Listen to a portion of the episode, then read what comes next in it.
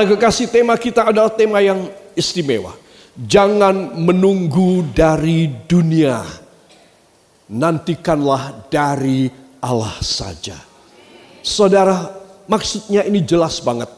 Saya menunggu Tuhan kapan ya saya bisa mendapatkan pekerjaan yang baik, gaji yang besar. Tuhan kapan ya saya mendapat jodoh anak-anak muda. Tuhan kapankah saya bisa membangun rumah. Tuhan kapankah saya bisa keluar dari keadaan yang sulit dalam hidup saya. Saudara, kita berdoa. Tetapi selain berdoa, kita terlalu berharap pada perkara duniawi. Itu sebab kita berusaha keras secara dunia. Itu sebab tema kita adalah jangan menunggu dari dunia. Bukan berarti saudara tidak boleh kerja. Saudara harus bekerja. Alkitab mengatakan jangan memberi makan orang yang malas, kata Alkitab. Jadi saya dan saudara harus tahu bahwa kita memang kita menanti dari Tuhan saja. Itu berarti kalau saudara mempunyai 100% konsentrasi, Jangan saudara berikan 100% pada perkara duniawi. Tetapi saudara menantikan Tuhan. Sambil saudara bekerja, sambil anak-anak muda belajar, studi, berusaha. Ya saudara, itu maksudnya tidak menunggu dari dunia. Engkau menunggu dari Tuhan. Engkau bekerja, engkau belajar, engkau berusaha. Tetapi engkau menanti-nantikan Tuhan. Maka Tuhan melihat anakku, kamu tidak malas. Kamu menanti dari aku dan kamu sambil bekerja, kamu sambil belajar, kamu sambil melayani aku. Aku melihat kamu bagus. Kamu mempunyai konduit yang bagus. Itu sebab aku akan lebih cepat memberkati kamu. Katakan lebih cepat diberkati. Karena saya tidak menunggu dari dunia, saya menanti-nantikan Tuhan. Amin. Dan ini pelajaran yang penting sekali. Membuat saudara menjadi hati saudara yang tidak kemerungsung. Kapan ya aku dikasih anak? Kapan ya aku bisa mendapat jodoh? Kapan ya aku mendapat pekerjaan? Kapan ya aku bisa membayar hutang? Kapan ya aku bisa beli hal itu? Aku bisa mengisi hal ini di rumahku? Saudara, saudara kemerungsung karena saudara pikirannya sudah duniawi. Tetapi kalau saudara berserah kepada Tuhan, Tuhan hamba tetap bekerja, hamba tetap berusaha dan memikirkan gimana baiknya. Tetapi hamba menanti-nantikan engkau. Saya yakin bila saudara mempunyai attitude yang sedemikian yang baik, Tuhan memberi lebih cepat dalam hidup saudara. Dan lebih banyak dari yang saudara mohon. Katakan lebih cepat dan lebih banyak dari yang saya mohon akan saya terima dalam nama Yesus. Haleluya.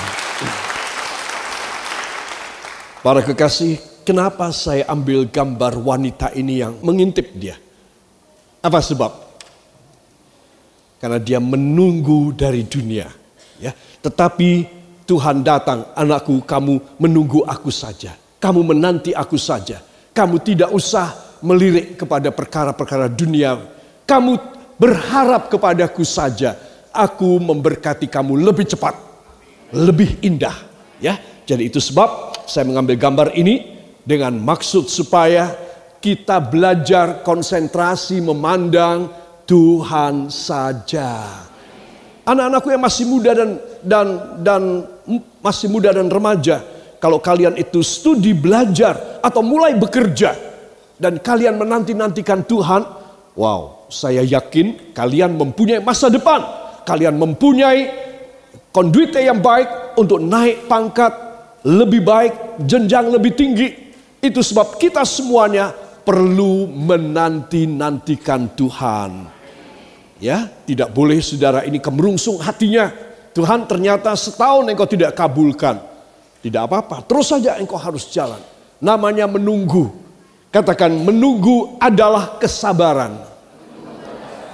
Menunggu dari Tuhan berarti saya percaya akan kebenaran janji Allah bahwa satu saat pasti diberi, digenapi dalam hidup saya. Amin. Beri tepuk tangan bagi dia. Haleluya. Ada anak Tuhan yang tidak bisa menunggu. Yang kemerungsung terus hidupnya. Ya sudah dia mundur dari Tuhan. Dia tidak lagi percaya sepenuhnya kepada firman. Dia mulai memakai cara-cara duniawi. Yang mistik, yang dukun, yang suhu, yang segala macam. Yang paranormal. Apa sebab? Karena dia sudah tidak bisa lagi menunggu dari Tuhan. Dia tidak percaya lagi kepada janji dari Allah. Padahal kalau saudara percaya pada janji Allah, engkau diberkati. Tadi saya katakan lebih, lebih cepat, lebih banyak. Ya, jadi saudara harus tahu akan hal itu ya. Puji Tuhan. Para kekasih saya ingin mengajak saudara membaca sebuah ayat sudah tertulis di sini dalam Mika pasal yang ketujuh, ayat yang ketujuh. Mari kita akan baca. Kitab Mika pasal 7 ayat yang ketujuh. Satu, dua. Tetapi aku ini akan menunggu-nunggu Tuhan. Akan mengharapkan Allah yang menyelamatkan aku. Allahku akan mendengarkan aku. Amin. Ayat ini bagus apa tidak? Ya, ayat ini saudara merasa perlu apa tidak? Perlu sekali. Cuma diminta di sini menunggu.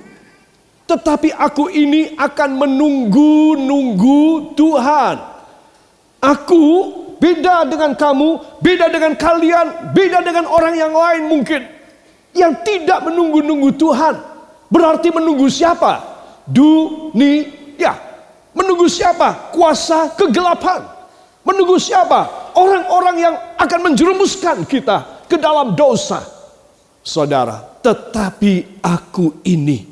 Katakan, tetapi saya ini harus beda. Saya harus menunggu-nunggu Tuhan. Bukan yang lain. Belajar, saudara. Menunggu itu tidak enak. Engkau bukan cuma sabar, tapi engkau menguji kesetiaanmu kepada Tuhan.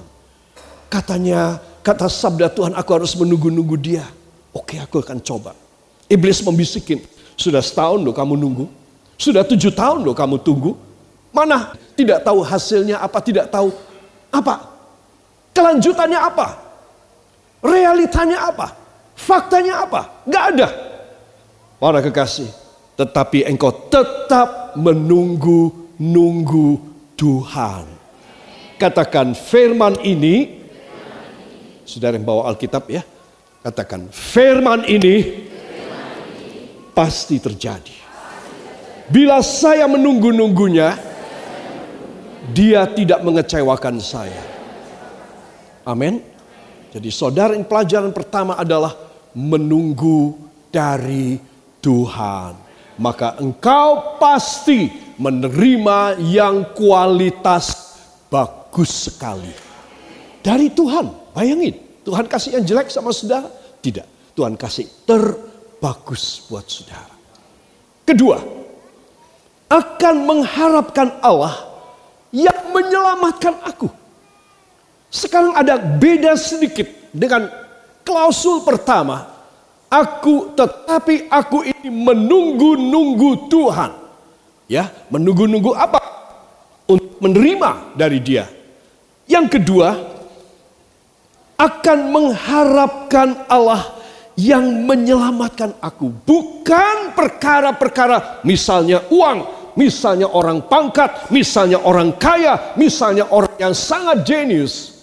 Orang yang sangat berpengaruh yang akan menyelamatkan aku. Loh, aku ada apa? Aku bahaya. Aku dalam keadaan yang tidak bagus.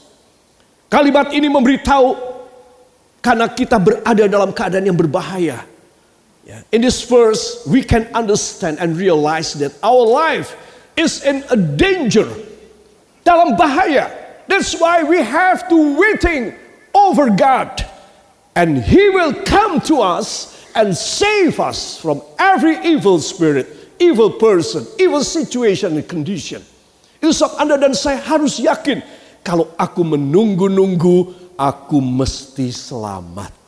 Katakan, bila saya menunggu-nunggu Tuhan, saya pasti selamat. Perhatikan kalimat ketiga, klausul ketiga, ya.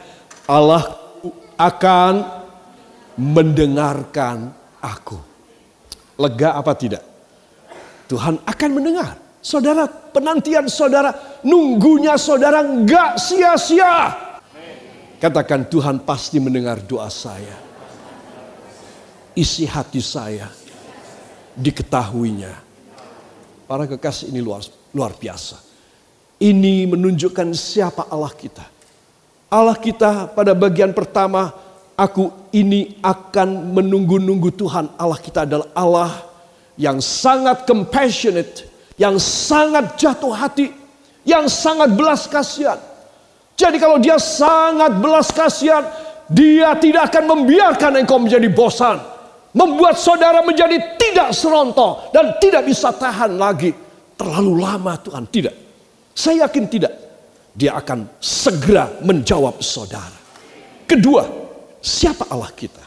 Dia adalah Allah yang maha menyelamatkan. Artinya dia punya kekuatan dahsyat. Jadi dia bisa aja dari apa pun yang saya hancur berantakan saudara dalam keadaan yang sangat tidak bagus. Dia bisa memberi keselamatan. Coba bayangin, bayangin. Kayak apa dia mahanya, luar biasanya, kayak apa. Saudara yang kekasih, semua kapal-kapal cruise, yaitu kapal-kapal wisata yang isinya para turis, isinya adalah orang-orang yang mau jalan-jalan, ya entah ke satu samudra atau ke beberapa pulau, saudara, maka mereka selain ada life boy akan diselamatkan. Karena life boy berarti itu kapal yang secara otomatis bila dia terkena tekanan yang keras karena dia sendiri sudah berat, ya Kira-kira dia punya berat itu setengah ton. Begitu jatuh ke air itu sudah tekanan berat. Dia akan pecah itu kapsul. Jadi itu kepompong akan pecah. Langsung terbuka. Langsung terpompa otomatis seperti uh, kantong udara pada setir mobil kita. Ya, dan langsung untuk 8 orang atau 20 orang atau 30 orang. Di sana itu sudah ada makanan untuk berapa dia punya kapasitas obat-obatan. Kemudian alat trans, tele, uh, telekomunikasi, radio, satelit sudah ada di sana. Obat-obatan, kemudian kompas ada di sana dan ada mesin satu di belakang. Hebat. Kita melihat cuman kepompong saja, satu kapsul saja yang besar. 400 sampai 500 kg beratnya. Kita cuma melihat itu, ada banyak. Saya beritahu ya. Setiap penumpang kapal tersebut harus bisa masuk di dalam dia punya life boy. Harus. Kalau penumpangnya 3000, maka pemilik kapal harus menyiapkan 3000 dibagi 30. Berarti harus ada berapa life boy? 100 life boy. Jadi sekitar sekujur kiri kanan itu kapal, lambung kapal penuh dengan life boy. Berapa dia punya penumpang? Termasuk awaknya, krunya. Supaya apa? Jangan ada satu orang menyalahkan mereka, kapal mereka. Karena tidak kebagian lifebuoy. Ini satu contoh. Itu manusia yang berdosa aja kirim keselamatan orang. Itu. Sudah. Kemudian masih lagi di dalam itu, di dalam tiap kamar harus ada pelampung. Eh siapa tahu karena berdesakan seseorang dia jatuh ke air. Tidak bisa masuk dalam life boy tetapi jatuh ke air. Maka dia bisa mengembangkan dia punya pelampung.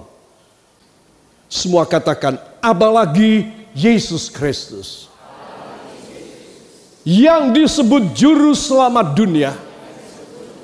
Bila dia menyelamatkan saya sangat sempurna saya beritahu kepada saudara. Sangat sempurna. Saudara. Itu sebab Tuhan ingin supaya setiap saudara yakin. Kalau engkau menanti-nantikan dia. Jangan capek. Tidak akan lama.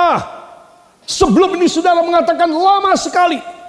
Tapi sekarang engkau mendengar ini firman. Dia maha kam, dia maha penuh dengan kasih supaya kalau kamu ngerti aku percepat anakku. Yakinlah aku akan tidak membuat kamu menjadi menanti terlalu lama.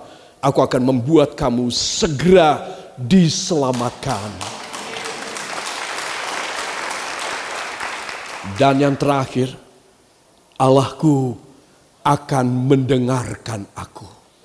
Percaya saudara? Angkat tangan saudara.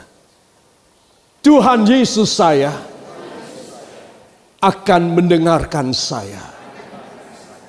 Ini satu penghiburan yang sangat besar. Dalam nama Yesus, Dia mendengar bisik saya.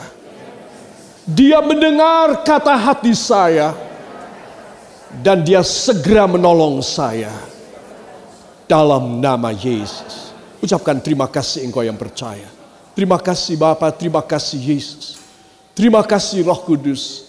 Kami pegang janjimu dari kitab Mika pasal 7 ayat 7. Dan kami akan menjalani hari-hari kami di dalam kemenangan, sukacita yang besar dan tidak putus asa hanya di dalam nama Tuhan Yesus Kristus, juru selamat dan penebus kami dan kita semua mengaminkan. Amin. Beri tepuk tangan bagi dia. Para kekasih, saya masuk pada firman Tuhan ini. Apa maksudnya menunggu-nunggu Tuhan? Yang menunggu-nunggu Tuhan akan disiplin bagi dirinya sendiri. Kalau saya menunggu seseorang atau menunggu antrian, ya saudara saya harus jaga. Saya nggak boleh, ah saya mau jajan dulu, saya mau ke toilet lebih dulu, saya mau apalah yang lain. Ya saya menunggu, saya antri. Saudara, Sebab kalau saya keluar dari antrian, saya tidak sabar menunggu orang lain akan mengambil posisi saya, antrian saya. Ya saudara, tidak bisa saya mengklaimnya ketika saya datang lagi. Eh, kenapa kamu nyerobot? Tidak ada cara itu di seluruh dunia, tidak ada. Ya saudara, itu sebab saudara harus tahu orang menunggu akan mendisiplin diri pada firman Tuhan. Makanya dia kuat. Dia sabar. Dia bisa mengalahkan perasaannya, gejolak hatinya. Kenapa? Karena dia mendisiplin diri kepada firman. Saudara, firman Tuhan adalah obat. Firman Tuhan adalah daya magis ilahi. Ini ada daya yang luar biasa. Yang sangat mempengaruhi semua orang. Kalau saudara mendengar firman, maka engkau dipengaruhi oleh kuasa Allah. Untuk apa? Untuk engkau menerima keselamatan dan pertolongannya. Ini penting sekali. Saya menyampaikan melalui siaran radio, saya sudah tahu, saya tidak tahu berapa kali itu sudah diulangi. Hanya 10 menit, saudara, tetapi kesaksian itu dari dulu sampai sekarang tidak pernah berhenti. Orang yang kelewatan aja mendengar, gak beneran dia mendengar dia cun radio, dia robah gelombang, ya atau di mobil otomatis mencari gelombang. Begitu ketemu gelombang, mulai keluar itu sepotong dari firman, beberapa kalimat. Saudara itu bisa mengubah orang. Itu bisa menyembuhkan orang sakit. Itu bisa menambah semangat. Ada beberapa orang mau bunuh diri. Hanya mendengar siaran radio yang 10 menit. Yang kelewatan aja. Tidak sengaja dia dengar saudara. Tetapi dia mengambil keputusan, tidak, aku harus hidup, aku tidak boleh mati, aku tidak boleh bunuh diri. Itu beberapa loh saudara. Kita di radio ini sudah berapa tahun ya? 10 tahun ada, saudara. Dan sekarang sudah streaming seluruh dunia. Televisi juga demikian. Kesaksian-kesaksian yang aneh. Dan saya melihat sekian puluh tahun memang namanya firman Tuhan itu luar biasa. Saudara percaya? Beri tepuk tangan bagi dia.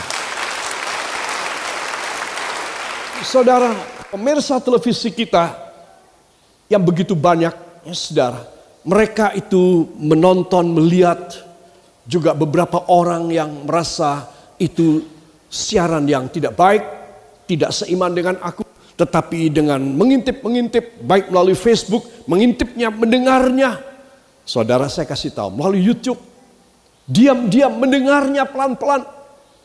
menerima keselamatan. Itu tandanya bahwa firman bisa mendisiplin diri kita, bisa menyelamatkan jiwa kita, dan bisa membuka pintu sorga. Sebab itu orang mengerti firman penting sekali. Orang membaca Alkitab penting sekali. Orang mendengarkan khotbah penting sekali.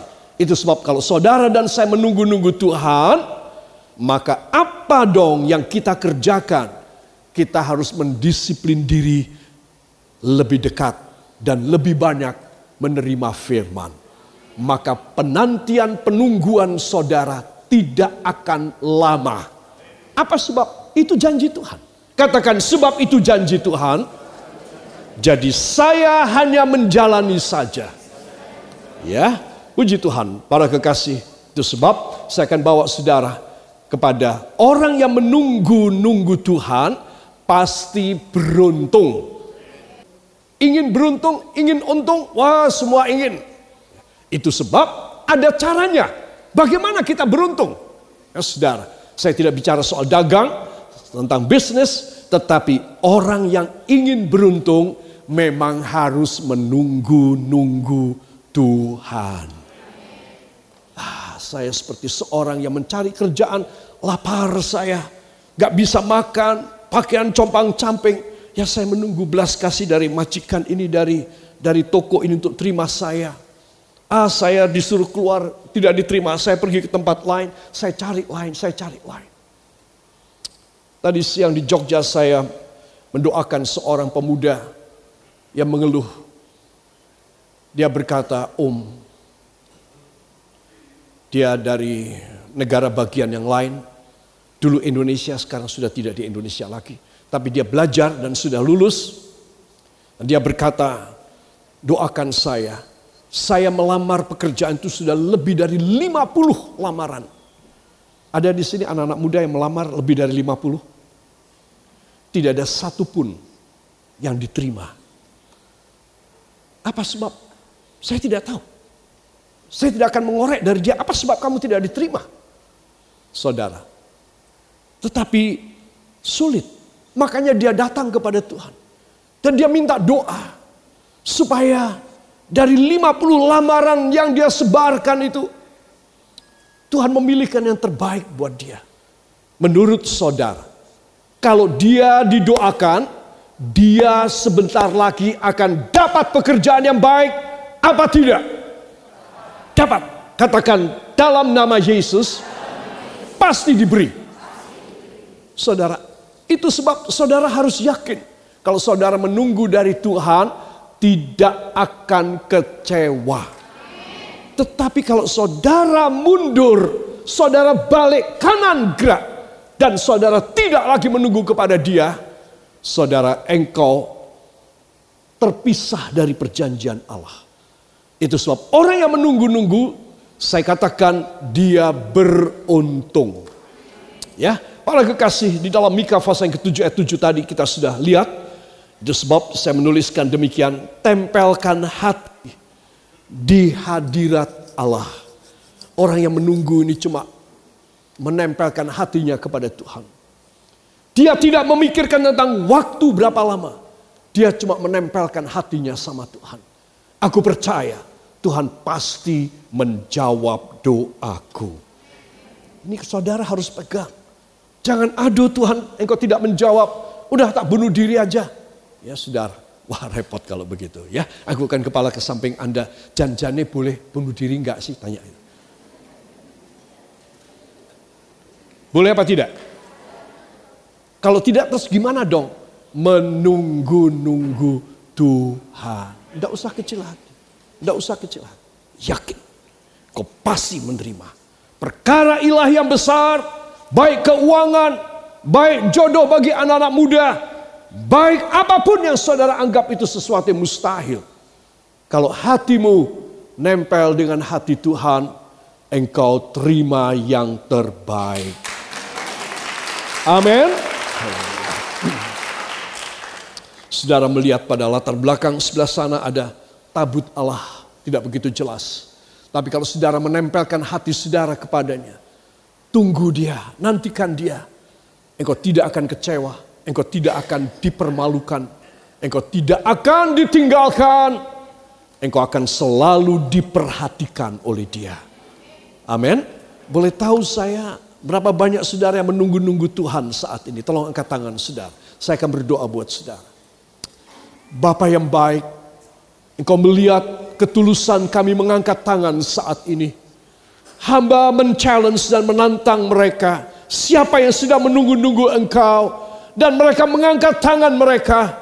Itu sebab jamah mereka dalam nama Yesus. Dalam nama Yesus. Apa pun yang saudara tunggu, apa pun yang saudara harapkan, apa pun yang saudara doakan, tidak akan lama akan diberi dalam hidup saudara. Mulai dari malam ini Tuhan mencatat doa ini dan Tuhan menghargai keinginan saudara untuk menanti-nantikan dia. Diberkatilah engkau untuk apa pun yang kau nantikan dari Tuhan. Dia tidak akan membiarkan engkau sendirian. Dia beserta dengan engkau. Ucapkan terima kasih siapa percaya. Lebih keras lagi, terima kasih Bapa. Terima kasih Yesus. Terima kasih Roh Kudus. Penantian saya tidak akan lama. Hanya di dalam nama Tuhan Yesus Kristus. Juru selamat dan penebus kami. Dan kita semua mengaminkan. Amin. Para kekasih, saya akan lanjutkan pada bagian yang terakhir. Di dalam Mazmur fase yang kelima, ayat yang keempat, mari kita akan membaca di depan. Mazmur fase yang kelima, ayat yang keempat. Satu, dua. Tuhan, pada waktu pagi engkau mendengar seruanku. Pada aku mengatur persembahan bagimu dan aku menunggu-nunggu. Amin. Saya ulangi. Tuhan, pada waktu pagi engkau mendengar seruanku. Pada waktu pagi aku mengatur persembahan bagimu dan aku titik-titik. Tuh lihat. Saudara, ini ayat komplit banget. Pada waktu pagi Tuhan aku berseru kepadamu dan engkau pasti mendengar seruanku. Saudara percaya kalau saudara berseru dan berdoa, Tuhan mendengar apa tidak sih? Mendengar apa tidak sih? Mendengar. Tuhan pasti mendengar. Kemudian setelah aku berdoa, berseru kepadamu Tuhan, aku mengatur persembahan pada pagi hari. Artinya apa? Tuhan, aku mempersembahkan sebagian waktuku, sebagian harta bendaku, sebagian uang atau kemampuanku, waktu dan lain sebagainya, harga diriku hari ini. Aku mau persembahkan sesuatu buat engkau Tuhan. Hebat loh. Ini orang pemasmur ini luar biasa. Dia tidak minta gratis. Dia mau berkorban supaya permintaannya dikabulkan oleh Tuhan. Itu sebab selain dia berseru, dia berkorban. Dia mengatur korban. Juga pada pagi hari itu. Ya saudara. Dan setelah itu apa dia lakukan? Dan aku menunggu-nunggu. Saya percaya. Menunggu itu tidak enak. Tetapi kalau sebentar saudara melihat tanda-tanda dia datang, engkau akan mengaguminya dan engkau akan bersyukur penantianku tidak sia-sia. Segala kesabaran kerendahan hatiku kini menghasilkan